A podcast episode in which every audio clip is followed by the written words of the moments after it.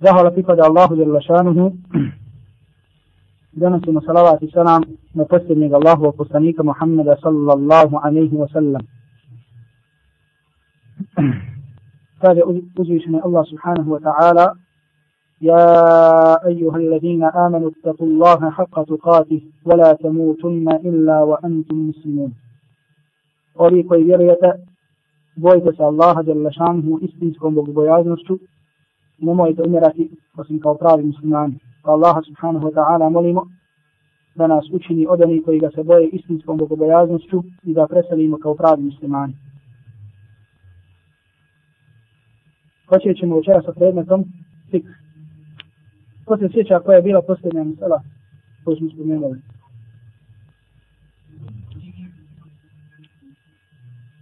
Ko zna koja je bila posljednja misala? Ne možete misliti. Ko zna? Treba je znati. Ne mislim.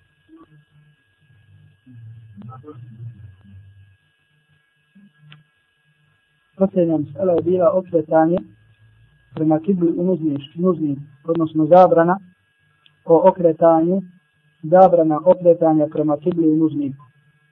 Spomenuli smo hadis Abu Ayyuba al-Ansari radijallahu ta'ala anhu koji su zabilježili imam Bukhari i Muslim u svojim sahihima da je Allah poslanik sallallahu alaihi wa sallam rekao إذا أتيتم الغائط فلا تستقبلوا القبلة بغائط ولا بول ولا تستدبروها ولكن شرق الغرب kada neko od vas ili kada jednete da obavite nuždu bilo veliku ili malu, nemojte se okrećati svojim prednjim, niti svojim zadnjim dijelom prema kibli. Rekli smo da u ovoj mesali postoji više mišljenja. Da je mišljenje koje smo odabrali, mišljenje Ebu Hanife rahmetullahi alaihi, i odabrao ga je šehol Islam ibn Taymiyyah i njegov učenik Ibn Al-Qayyim a to je da je zabranjeno haram okretanje prema kibeli da li se čovjek našao na otvorenom ili na zatvorenom prostoru. Dok ima mišljenja, i to je mišljenje imama Šafi i imama Ahmeda, da je zabranjeno okretanje prema kibli samo kada se čovjek nađe pri sabah, odnosno na otvorenom. A kada se nađe u zatvorenom da nema nikakve zato zapreke. Međutim, dokaz to mišljenje, odnosno dokaz tome mišljenju jeste da je Allahu poslanik sallallahu alaihi wa sallam viđen da obavlja mokraću okrenut, da obavlja nuždu okrenut prema kibli. Pa je tako ulema napravila tu razliku. Međutim, ovaj broj uleme koji smo rekli kao što su šehu Islam ibn Taymiye, ibn Uqayyid, imam Šaukani i drugi kažu da je ovdje ibrat, odnosno da se ovdje uzimaju riječi Allahovog poslanika sallallahu alaihi wa sallam, dok njegovo dijelo koje on učinio može da ukaziva na specifičnost, znači samo nešto što je specifično Allahovom poslaniku sallallahu alaihi wa sallam. Dobro, sljedeća misala koju spominje Ibn Qudama i Maqdisi rahmetullahi alaihi jeste da kaže wa iza nqta'a al-bawlu masaha min asli zakarihi ila ra'sihi thumma yanturuhu thalatha. A to je da čovjek kada jeste da Ibn, da Ibn Qudama al-Maqdisi rahmetullahi alaihi kaže da kada čovjek prestane sa obavljanjem male nužde. To jeste kada završi sa mokrenjem, da će potegnuti svoj polni organ i da će ga, da tako janturuhu, odnosno da će ga e, pomaknuti koji put da izađe iz mokračnog kanala ono što je moguće bilo da ostane prilikom mokrenja nužde. Znači kada se obavi, kada se završi sa mokrenjem, uzme se polni organ lijevom rukom, povuče se nekolika puta i potrese se ili potrese se nekolika puta, tako da izađe nekraće ono što je bilo u polnom organu. Kada upitam doka za ovo, u sunnetu Allahu wa kusanika sallallahu anihi wa sallam za ovu stvar, nalazimo dokaz u hadisu koji je zabilježio Ibn Mađer u svom sunen, u svom sunenu od Isa Ibn Ezdada, koji kaže da Allahu poslanik sallallahu alaihi wa sallam rekao, Iza bala ahadikum fel jentur zakarahu salasem kada se neko od vas pomokri, neka svoj polni organ jeli, povuče, neka ga potrese tri puta. Međutim, ovaj hadis je slab, zato što Isa ibn Azdar kao ravija slab. i ovaj hadis je daif kao što je ukazao veliki broj uleme, među njima šeha Albani rahmetullahi alaihi. Međutim, nevezano za ovaj dokaz koji smo spomenuli koji je daif, u hadisu Abdullah ibn Abbas radijallahu ta'ala anhu, koji smo spomenuli, koji se nalazi u Buhari i Muslimu da Allahu poslani sallallahu alaihi wa sallam prošao pored dva kabura i rekao innahuma la yu'azzabani wa ma yu'azzabani fi kabir. Zaista se njih dvojica kažnjavaju, a ne kažnjavaju se radi velikih stvari. Amma ahaduhuma fa kana la yastatiru min al-bawl. Kaže što se tiče jednog od njih, Allahu poslanik alaihi salatu wa sallam kaže nije se čuvao od mokreći. Pa je ulema ovaj hadis uzela kao dokaz za ovu stvar o kojoj govorimo, a to je da čovjek kada završi sa obavljanjem male nužde, da ostane poslije mokrenja toliko dugo, ili da kažemo toliko kratko, tako da će biti siguran da je izašlo iz njegovog polnog organa, ako je bilo moguće išta da ostane gdje u njegovom polnom organu od mokraće.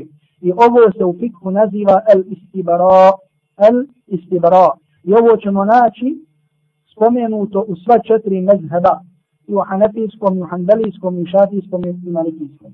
Iako je jedan dio uleme, ovaj čin ovaj postupak negirao i rekao da je to novotarija, kao što je šehhul Islam ibn Taymiyyah rahmetullahi alaihi.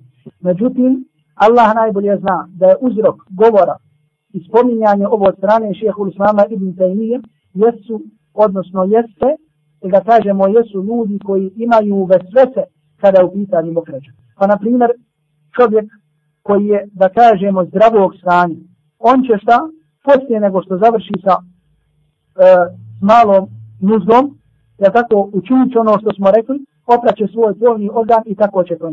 Međutim, ima ljudi koji imaju vesesu, pa kada završi sa mokrenjem, ustane, pa se onda vraća, gleda je li šta izašlo, gleda je li, nije li, kada, kada u namazu, misli da li mu je izašlo išta iz polnog organa, nije mu izašlo, kada završi namaz, opet se gleda, gleda da li izašlo isto od mokraće i tako dalje. Znači, to su vesesem, kojim su od šeitana i na koje čovjek ne treba da se obazire.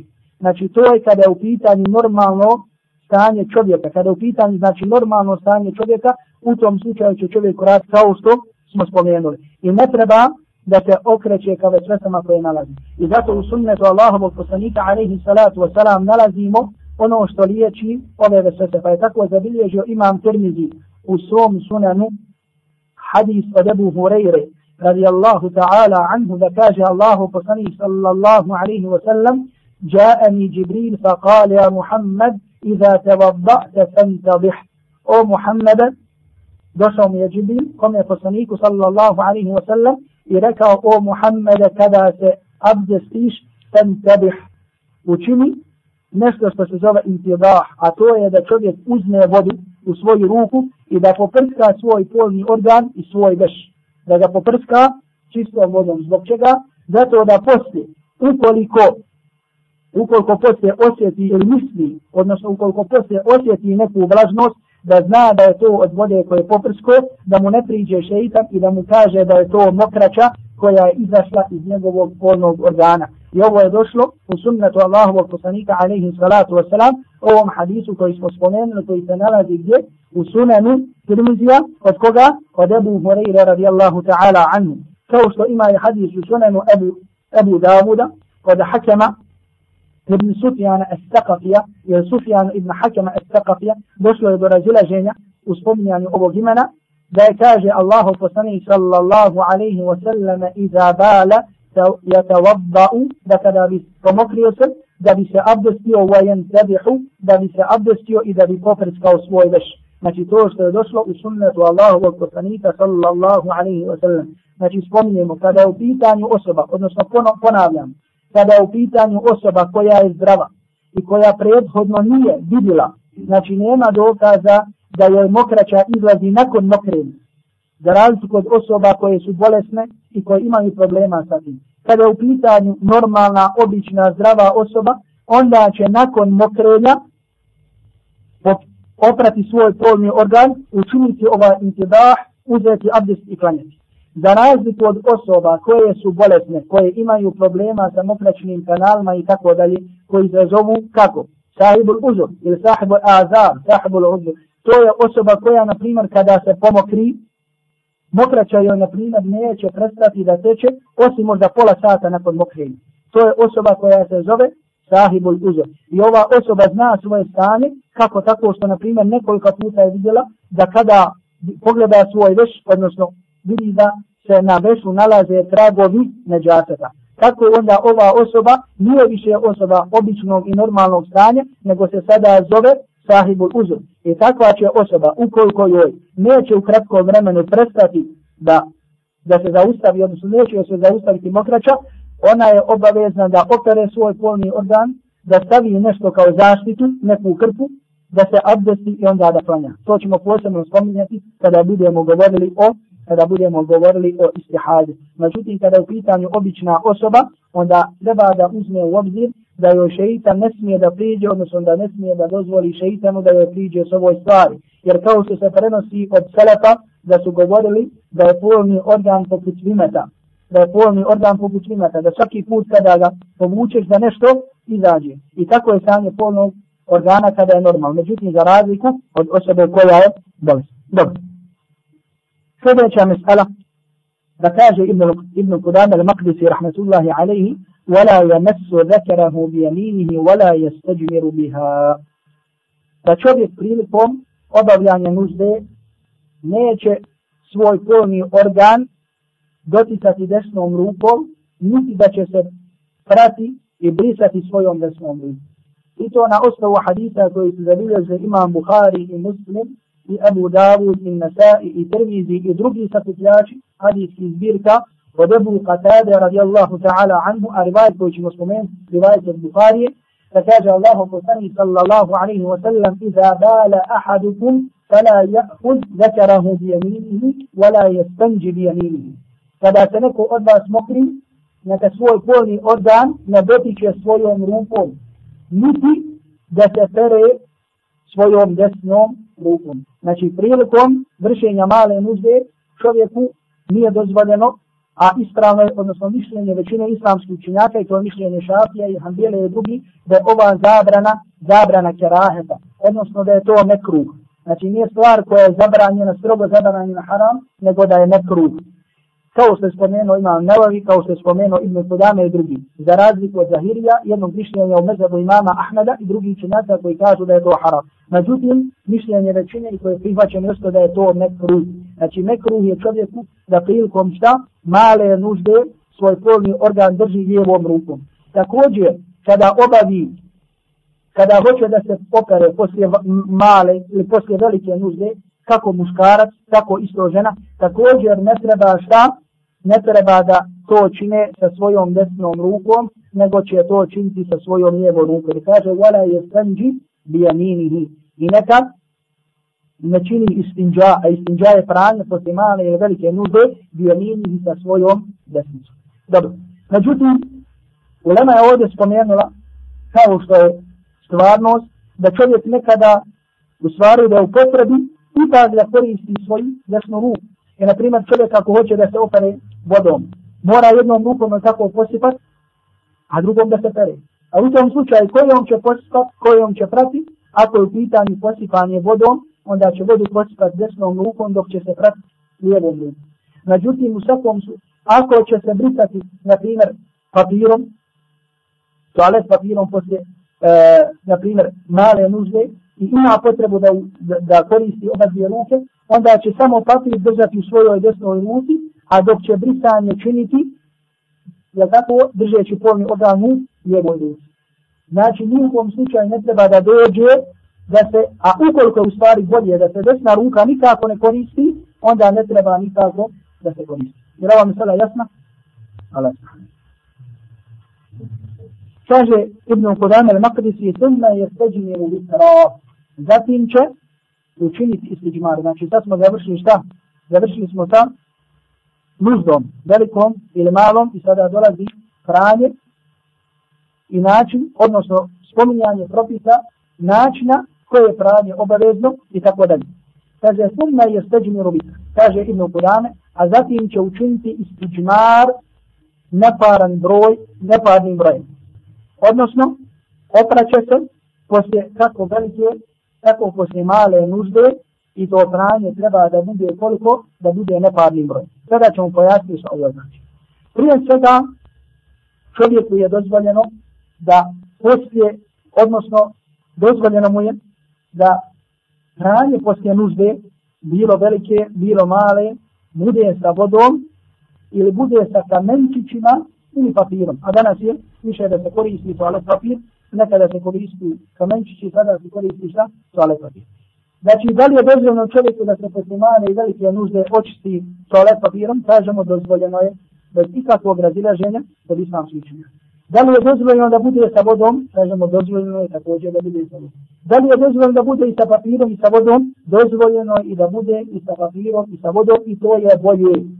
Međutim, ukoliko želi da bude samo sa jednim, onda neka to bude sa vodom, bolje je nego da bude sa papirom. Dobro. Sada smo potrebi da pojasnim ovu meselu malo više. Pa kažem, ukoliko čovjek obavi, na primjer, malu nuždu. Obavi šta? Malu nuždu. I prilikom mokrenja, normalno nakon što završi mokrenje, na njegovom polnom organu ostaju, ostanu nekoliko kapi ili ostanu tragovi mokreći. Ostanu tragovi poslije mokrenja. Ukoliko, ukoliko ta mokraća nije prešla, da kažemo, ono mjesto obično koliko ona pređe, onda je u tom slučaju do, dozvoljeno i dovoljno da učini samo papir.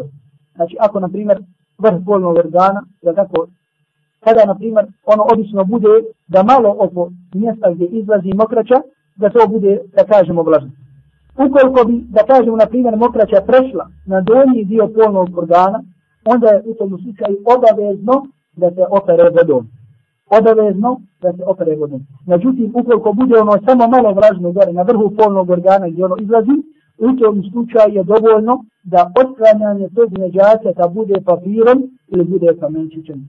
Bude papirom ili bude kamenčićem. Znači nije obavezno pranje vodom. Ukoliko bi prešlo, na primjer, da kati mokraću pređu, na primjer, većinu E, glave polnog organa, onda u tom slučaju obavezno je šta? Obavezno je korištenje vodom. Također, kada se čini velika nužda, ukoliko, na primjer, neđaset pređe van, e, što se naziva čmar, onda u tom slučaju obavezno šta?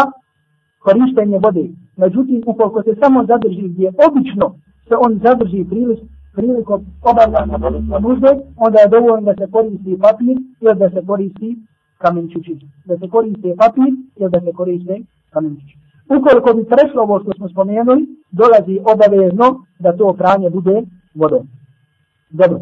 Međutim, sada još uvijek govorimo o čemu? O pranju, odnosno sa pranju, otklanjanje neđasa sa sobnih mjesta sa papirom ili sa kamenčima.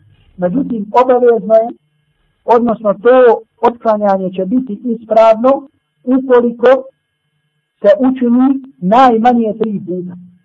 Mora prvi uslov toga jeste da bude najmanje tri puta. A drugi uslov jeste da neđaseta nestane. Odnosno, na primjer, uzmeš, ako uzmeš, na primjer, uh, čistiš se posle velike nužde, uzmeš na primjer tri puta, učiniš to sa papirom, vidiš da treći put ne ostane traga na papiru, tada se smatra da je očišćeno. Ukoliko ostane traga, treba da iznad tri puta to činiš sve dok ne dođe se da kažem do te granice da se ne bude da na papiru ili da na kamenu ne ostane traga od neđaseta. Znači to su uslovi da čišćenje poslije velike i male nužde bude sačin sa nečim drugim, a ne sa vodnom, odnosno obično, da bude sa papirom ili sa kamenčima, a spomenut ćemo sačin ne smije da bude. Dobro. To je, znači, prvi je uslov da, ne, da bude najmanje tri puta, a drugo je da nestane traga neđaseta. S što je ovdje pohvalno da se poveća, kada se povećava, da se završi sa neparnim putem, ne, neparnim brojem. Znači, ako, na primjer, vidiš da je nestalo traga sa četiri puta, da povećaš na peti put. Nestalo sa ovaj šest puta da povećaš na sedmi put da bude neparni broj. Dobro. Zatim kaže sunna i steđminu vitra. Kada se spomene u fiku istiđmar kao način čišćenja, onda se to podrazumijeva da je čišćenje kamenčićima. A kada se spomene el istinđa, onda se podrazumijeva da je to čišćenje vodom. Zatim kaže Ibn Kudame, sunna je stanđi bilma, a zatim će nakon svoje učinio to sa ovaj, na primjer sa papirom, zatim će poslije toga, bolje mu je da poslije toga ponovo, iako je nestalo nđasa da koristi vodu. Da koristi vodu. Znači najbolje je da se koristi jedno i drugo, a ukoliko se koristi samo jedno, onda je voda bolja nego šta papir. I to na osnovu hadisa Allahovog poslanika, odnosno na osnovu hadisa kojeg u kojem Aisha radijallahu ta'ala anha kaže koji je zabilježio imam Tirmizi u svom sunanu, a hadis je Hasanun Sahih, da Aisha radijallahu ta'ala anha govorila مرنا أزواجكن أن يستفيدوا بالماء فإني أستحييهم وكان رسول الله صلى الله عليه وسلم يفعله da Iša radijallahu ta'ala anha govorila ashabi kama i ženama, da je govorila naređivajte svojim mužarima da se peru, da se čiste, čiste sa vodom. Kaže, jer ih se ja stidim, a Allahu poslani sallallahu alaihi wa sallam je tako čini. A Allahu poslani sallallahu alaihi wa sallam je tako činio. Dobro. Međutim, ovdje kad je važno, ukoliko se čovjek, na primjer, nađe negdje u šumi, negdje u brdu i nema vode i učinit će to, sa čim učinit će to sa kamenom i sa papirom, kao što smo rekli, uslov mu je da bude najmanje sa tri kamenčića ili sa tri puta da to učini papirom. I to na osnovu hadisa koji je zabilježio ima muslim u svom sahihu od Salmana al-Farisija radijallahu ta'ala anhu da su mušnici došli لذكر سلمان الفارسي رضي الله تعالى عنه قد علمت النبيكم كل شيء حتى الخراء رات الله فسني صلى الله عليه وسلم نوشيو بيستارم حتى الخراء فشك إناش أبا يعني نجده فسلمان الفارسي كاج أجل كاج تقوى.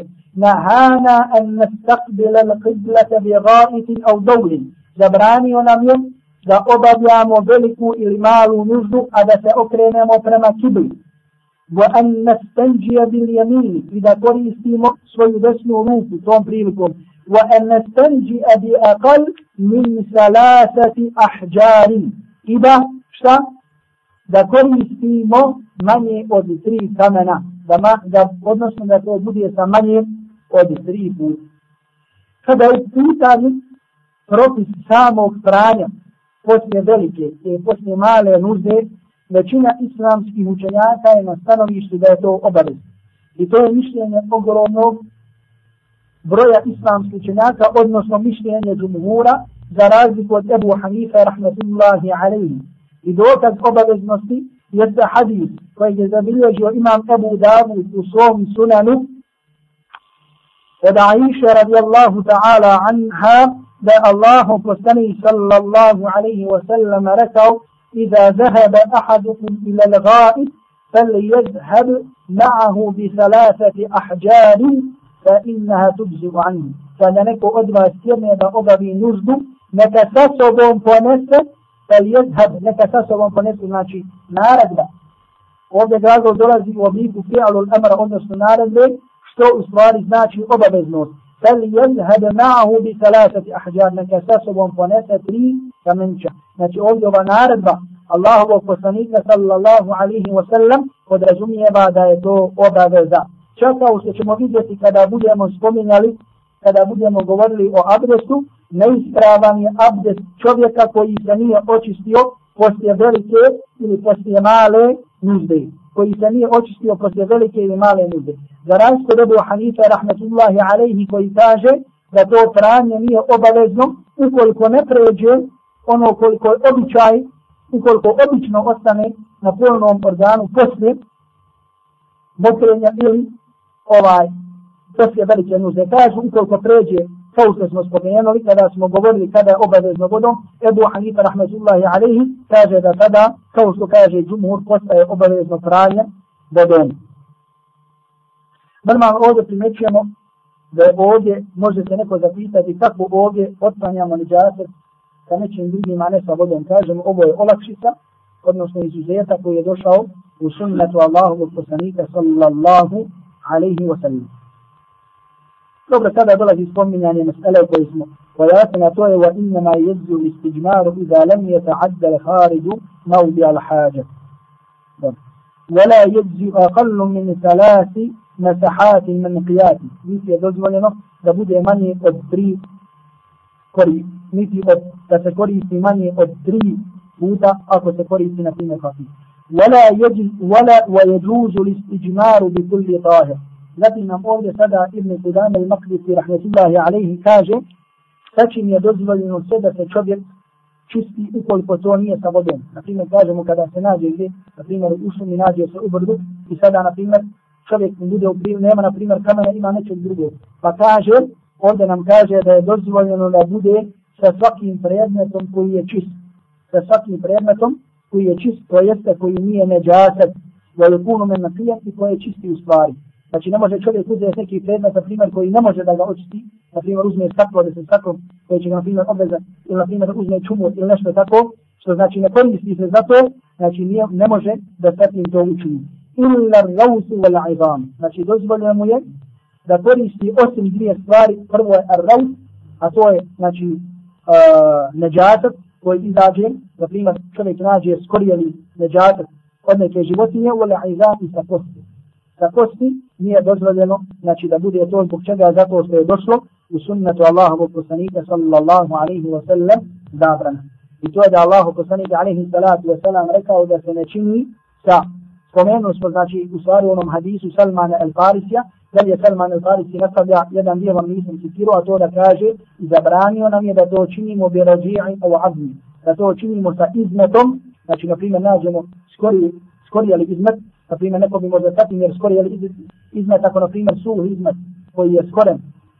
Ako dođe jedne čovjeka njegova odjeća ne postaje nečist znači nije dozvoljeno tatim niti sa ogni niti sa kostima.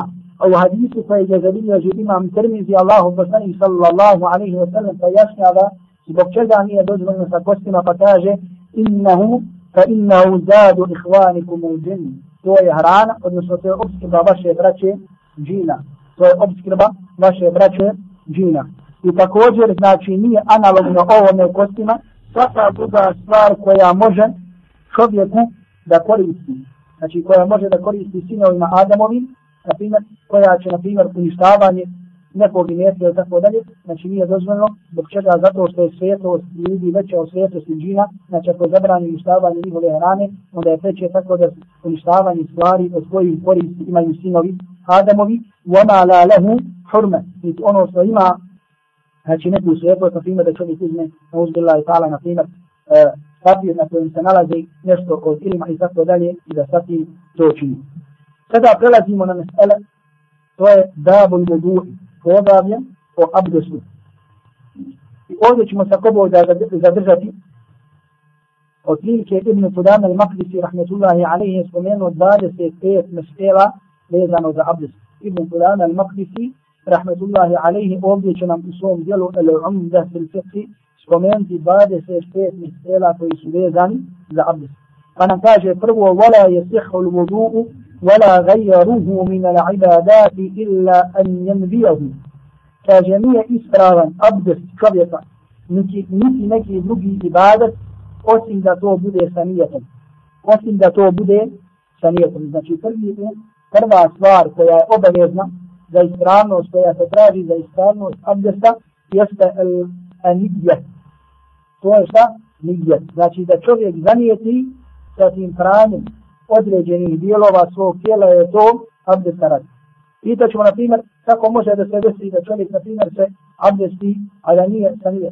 Na primjer, ako čovjek šta, na primjer, okupa se, na primjer, kada se kupa, kupa se, kupa se, kupa se, tako skače, rodi, tako da izađe posle toga i kaže, kažeš, hajde klanjati, ja nema abdesta, kaže, ima, jer sam se kupi.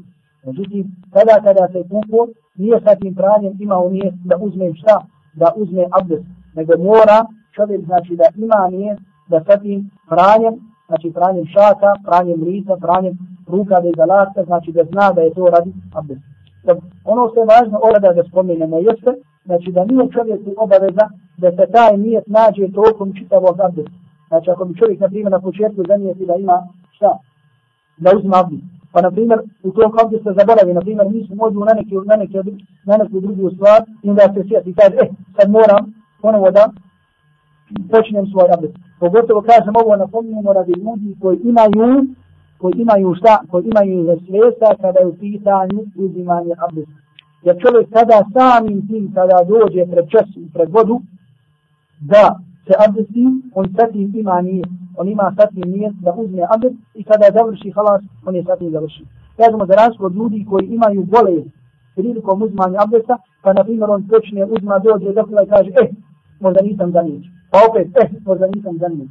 Zaista to se dešava. Ja sam slušao, bit ćemo kasnije samo kada budemo spominjali mekruhat, odnosno popuđene stvari u odnosu. Allahu poslanik alaihi salatu wasalam, na primjer, kaže, uh, ko uzima više, od pere, znači, na primjer, ruke više od tri puta, više od tri puta, pa kad esa'a wa zalama, on je učinio ono nešto loše i učinio je zulum, esa'a, učinio je nešto ružno i učinio je nepravno.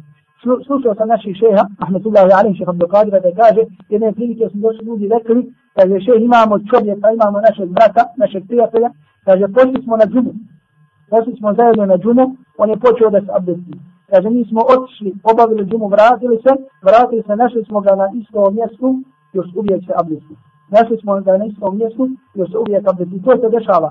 Dešava se braća, sestre, pita i tako dalje. E, znači, ne treba čovjek kada počne, ukoliko ga, na primjer, posli, posli abdestom priđe šeitan, kaže mi, to se uopšte ne uzma. Kada završi s abdestom, završio se. Znači, ne treba čovjek da se okreće sa šeitanom. Ili kao, na primjer, ljudi u namazu. Pa uvijek, na primjer, klanje, kaže, ne zna koji sam sad rekao klanje. Ukoliko čovjek zna da ima vesesa i uobičajeno mu da imate vesese, onda je ulema napomenula da on smije samo jedan namaz da klanja. Znači, kada počne Allah, ne smije ni u slučaju da to prekine. Nego sve te vesvese koje mu dolazi, treba da zna da je to samo od šeitana. Zatim kaže Kudan al-Makdisi, Summa yakulu bismillah. Zatim će prilikom uzimanja abdesta reći bismillah. Prilikom uzimanja abdesta reći bismillah. Ovdje inače od adeta, od običaja Ibn Kudama al-Makdisi, rahmetullahi alaihi, jeste da nam spominje stvari koje su propisane, kao što ovdje, na primjer, bismila. Međutim, ne kaže nam da li je spominanje bismila je sunnet ili je vađib. Kaže nam ovdje, na primjer, sunnet je kulu bismila, znači osoba koja uzima abdest, kaže zatim će, odnosno prvo, kada zanijeti, reče bismila. Rekao nam je da se kaže šta? Da se rekne bismila. Međutim, nije nam rekao da li je spominjanje je sunnet, da li je vađib, da li uh, je obaveza pa kako se izostavi ovaj, radi zaborava, da li abdest isprava, ne isprava i tako dalje. Nego nam je samo rekao da se kaže bismillah. Međutim, kada su pitanju, kada u pitanju spominjanje bismillah, na početku abdesta, onda kod islamskih učenjaka ćemo naći više mišljenja. Prvo mišljenje jeste mišljenje većine islamskih učenjaka koji kažu da je spominjanje bismillah na početku abdesta sunnet. Da je spominjanje bismillah na početku abdesta sunnet, a da nije obavezno, da je samo sunnet. To znači čovjek ako izostavi, njegov je namaz, njegov je u stvari abdest ispravan. Imam Ahmed u jednom rivajetu smatra da je spominjanje bismillah prilikom abdesta obaveza, odnosno farz. Da je spominjanje bismillah prilikom abdesta farz, što znači da čovjek ukoliko je ostavni, da je njegov abdest neispravan i da je ono farz kao što mu je farz da opere lice, kao što mu je farz da opere lice. I ukoliko je čak i zaboravi, po jednom rivajetu imama Ahmeda, njegov je šta? Njegov je abdest neispravan. I ovo mišljenje je odabrao od jedan, ovo je mišljenje jednog broja salafa, znači mišljenje imama Ahmeda u jednom rivajetu, zatim mišljenje imama Ishaqa, Ishaqa ibn Qatif. إسحاق بن كعب.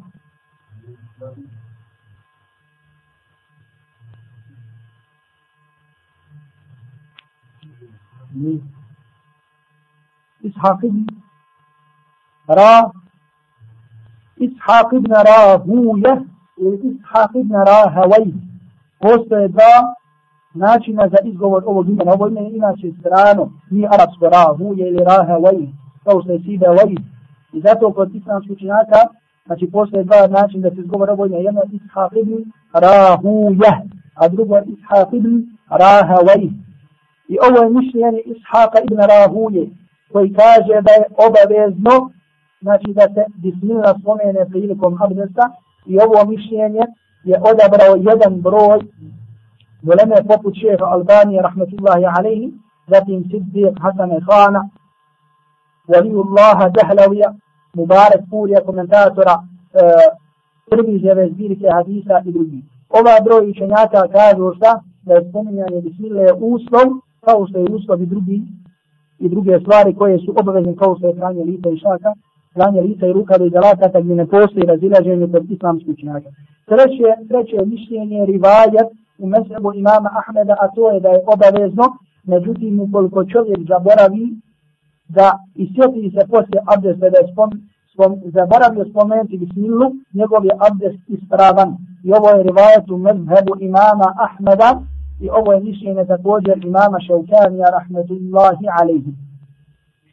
Uzrok, ili da kažemo jedan od uzroka razilaženja u leme, po, kada je pitan ova mesela, jeste hadis, odnosno dva hadisa, koja slično glase, koje se nalaze u, طريق بيت أبو داود الترمذي. قد أبو داود ودب هريرة رضي الله تعالى عنه. يا الله فصني صلى الله عليه وسلم كاش لا وضوء لا صلاة لمن لا وضوء له ولا وضوء لمن لم يذكر اسم الله عليه. نيما namaza ونيما أبدستا abdesta, a ونسكنين بسم الله. ne spomene سنن أبو se قد أبو هريرة إذ حديث سنن الترمذي. قد ربح ابن عبد الرحمن. ويبرنسي وسوي نيني أو نصوه بطن ويتزور سعيد بن زيد أصحاب الله والقصنيك عليه الصلاة والسلام. إثم الله فصني صلى الله عليه وسلم كاش لا وضوء لا وضوء لما لم يذكر اسم الله عليه. نيما أبدس كن يسقمين بسم الله. Kod islamskih učenjaka ranije i kasnije došlo je do razilaženja da li ovaj hadis je rodostojani. Pa tako šeha Albani, na šeha Abdul Qadir, rahmetullahi alaihi, šeha Ahmed Šafi i drugi smatruje da ovaj hadis hasan. Da ovaj hadis dobar, da je hasan. Za razliku od jednog broja učenjaka kao što je imam Ahmed, se prenosi od njega da ovaj hadis daje i kao što je to mišljenje imama Dara Kutnija jednog broja salafa. Znači razilaženje kod ove mesele dolazi oko znači između ostalog, da li ovaj hadis je radostojan ili iako jedan broj uleme, kao među njima i naš ibn Kudame, Makdis ili drugi, to je mišljenje većine uleme, kažu da iako ovaj hadis je verodostojan, međutim opet to ne znači, šta ne znači da je obaveza, nego samo ukazuje na potpunost. Znači ukazuje samo na potpunost. To je kao da je značenje ovog hadisa da Allah kusani sallallahu alaihi wa sallam kaže nema pravog i nema potpunog abdesta onaj koji ne spomene bismillah. Onaj koji ne spomene, bismillah. I njima je dokaz ovdje drugi hadisi, odnosno između ostalo kako se prenosi abdes Allahovog poslanika sallallahu alaihi wa sallam. Pa hadis Bukhari i muslima, Osman radijallahu ta'ala anhu prenosi abdes Allahovog poslanika sallallahu alaihi wa sallam, međutim ne spominje bismilu. Kada je Osman radijallahu ta'ala anhu se ne prilike abdestu i rekao, hada vudu u Rasulillah, ovo je abdest Allahu poslanika alaihi salatu wasalam, nije u njemu spomenuo bismilu. I kao da se prenosi da Allahu poslanik sallallahu alaihi wasalam podučavao ashaba abdestu, jer ne prilike ne spominje se da je spomenuo bismilu. Šta je ispravno ovoj je mesali? Allahu ta'ala, Allah najbolje. Sljedeća mesela, koji spominje Ibn Kudama al-Maqdisi rahmetullahi alaihi jeste da nam pojašnjava sami način uzimanja abdesta. Pa kaže, وَيَغَسِلُ كَسَيْهِ ثَلَاثًا Da će svoje ruke, odnosno svoje šake, prije samog, je tako znači, nego prije nego što počne uzimati, prati lice, da će prvo svoje šake oprati tri puta. Da će svoje šake oprati tri puta i ovo je sunnet prilikom uzimanja abdesta po jednoglasnom mišljenju islamskih učenjaka, međutim samo ovdje postoji razilaženje po jedne stvari, a to je pranje ruka nakon što se čovjek probudi i sna, što ćemo apodobno pojasniti u sljedećem našem versu iz fikha, to je kod Bog da kada u četvrtak. Wa sallallahu ala Muhammedin wa ala alihi wa ashabihi wa sallam.